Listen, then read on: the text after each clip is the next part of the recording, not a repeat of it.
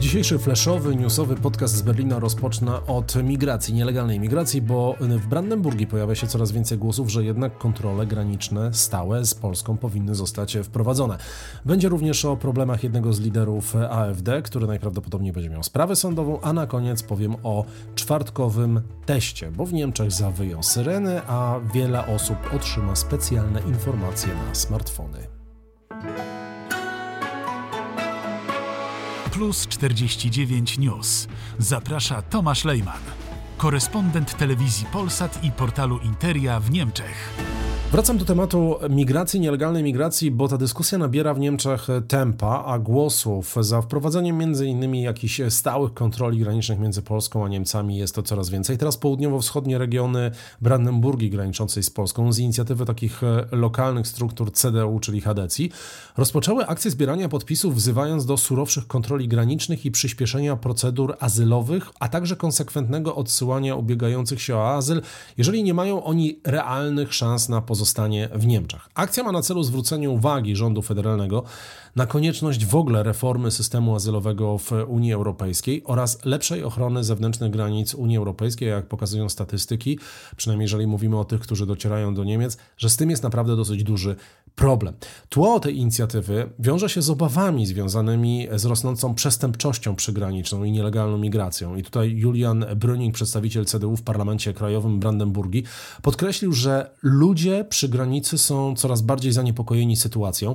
W sierpniu odnotowano średnio 20-30 nielegalnych przekroczeń granicy w regionie Spree-Neisse, czyli w południowo-wschodniej części Brandenburgii w okolicach przejścia granicznego Forst, a we wrześniu e, liczba ta już wzrosła do ponad 100 w każdy weekend.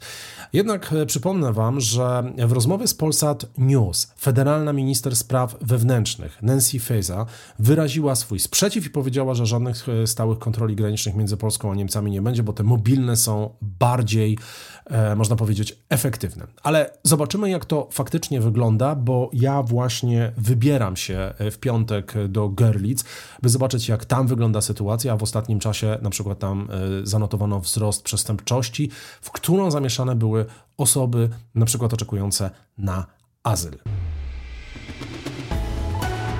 Plus 49 News. Bjorn Höcke, kontrowersyjny przewodniczący AfD w Turyngii, znany z poglądów, które określone są jasno jako neofaszystowskie, został oskarżony o używanie zakazanego hasła oddziałów szturmowych NSDAP podczas swojego takiego przemówienia wyborczego w maju 2021 roku e, w Saksonii-Anhalt. I teraz sąd zaakceptował akt oskarżenia prokuratury. A w swoim przemówieniu Höcke, co on powiedział? On powiedział wszystko dla naszej ojczyzny, wszystko dla Saksonii-Anhalt, wszystko dla Niemiec. I to było użyte jako hasło. I ta ostatnia część zdania jest zakazanym hasłem w Niemczech. No i to nie jest jedna, jedyna taka kontrowersja, jeżeli chodzi o tego e, polityka, bo e, wcześniej już Komisja do Spraw Sprawiedliwości w parlamencie w Turyngii, czyli w innym kraju związkowym, unieważniła jego immunitet otwierając drogę do kolejnego aktu oskarżenia. A teraz jeszcze zrobiło się głośno o innym polityku AfD, z kolei w Bawarii, gdzie trwa kampania wyborcza do y, lokalnego parlamentu, bo tam ten polityk y, również użył tego hasła, które wcześniej było hasłem y, oddziałów szturmowych NSDAP, no i sprawą zajęła się już policja, a to hasło pojawiło się na jednym z plakatów wyborczych. Ale wracając do lidera AfD z Turyngii, Höcke publicznie skomentował już te swoje wydarzenia na platformie X, czyli na dawnym Twitterze, twierdząc, że jego immunitet został unieważniony już po raz siódmy i oskarżył cały system prawny o używanie młota sprawiedliwości przeciwko dysydentom.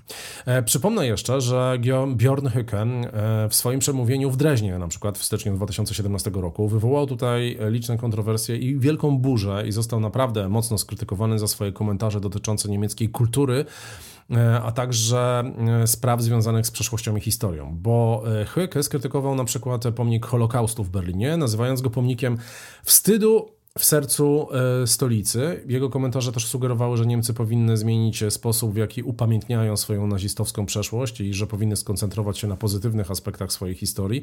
On tutaj argumentował, że Niemcy są zbyt skupione na nazistowskiej przeszłości i że ten kraj potrzebuje 180 stopni zmiany w sposobie upamiętniania historii. Stwierdził, że Niemcy nie powinny, e, nie powinny e, koncentrować się na 12 latach pod rządami Hitlera, tylko powinny być dumne z osiągnięć które Niemcy mieli na przestrzeni ponad tysiąca lat. No i te wypowiedzi wywołały falę krytyki zarówno wewnątrz Niemiec, jak i w ogóle na arenie międzynarodowej. Wielu uznało je, mm, te opinie za rewizjonistyczne i bagatelizujące okrucieństwa Holokaustu, Holokaustu w odpowiedzi na przemówienie wielu członków AfD, tutaj bojąc się oskarżenia, że jest to partia neonazistowska, tutaj wielu tych członków partii zdecydowało się zdystansować od słów Hoeke, no ale to jakby nie patrzeć, to było takie oficjalne stanowisko, chociaż trzeba przyznać, że byli też tacy, którzy domagali się wykluczenia jego z partii.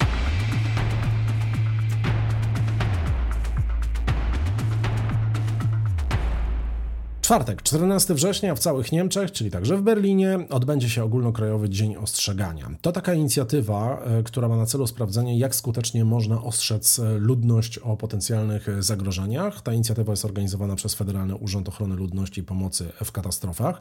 Ostrzeżenia będą przekazywane za pomocą, można powiedzieć, różnych kanałów, takich jak aplikacje mobilne, jak radio, jak telewizja, również e, poprzez telefony komórkowe, syreny i wszystko rozpocznie się o godzinie 11. I właśnie właśnie w tym czasie w Niemczech będzie bardzo głośno, bo ten test ma na celu zasymulowanie poważnych zagrożeń, takich jak znalezienie bomby, powódź, atak rakietowy czy duży pożar. Oprócz tych tradycyjnych środków masowego przekazu i syren, informacje będą przekazywane, tak jak już powiedziałem, za pomocą aplikacji mobilnych oraz w ogóle przez telefony komórkowe.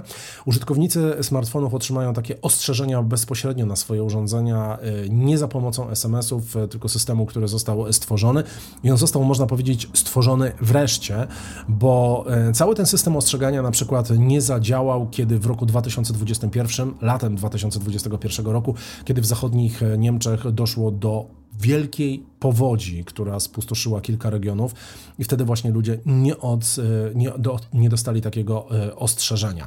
Ale teraz e, to ostrzeżenie ma ponoć zadziałać, chociaż pierwszy test robiony rok temu, no niestety nie sprawdził się i jeszcze ten system ma naprawdę wiele problemów. Ale wiadomo także, że ten system będzie ostrzegał między innymi w takiej bardzo ważnej aplikacji w Niemczech, który się nazywa Nina, a także Kadwarn czy Biwab. Zobaczymy, jak to będzie wyglądało jutro o 11.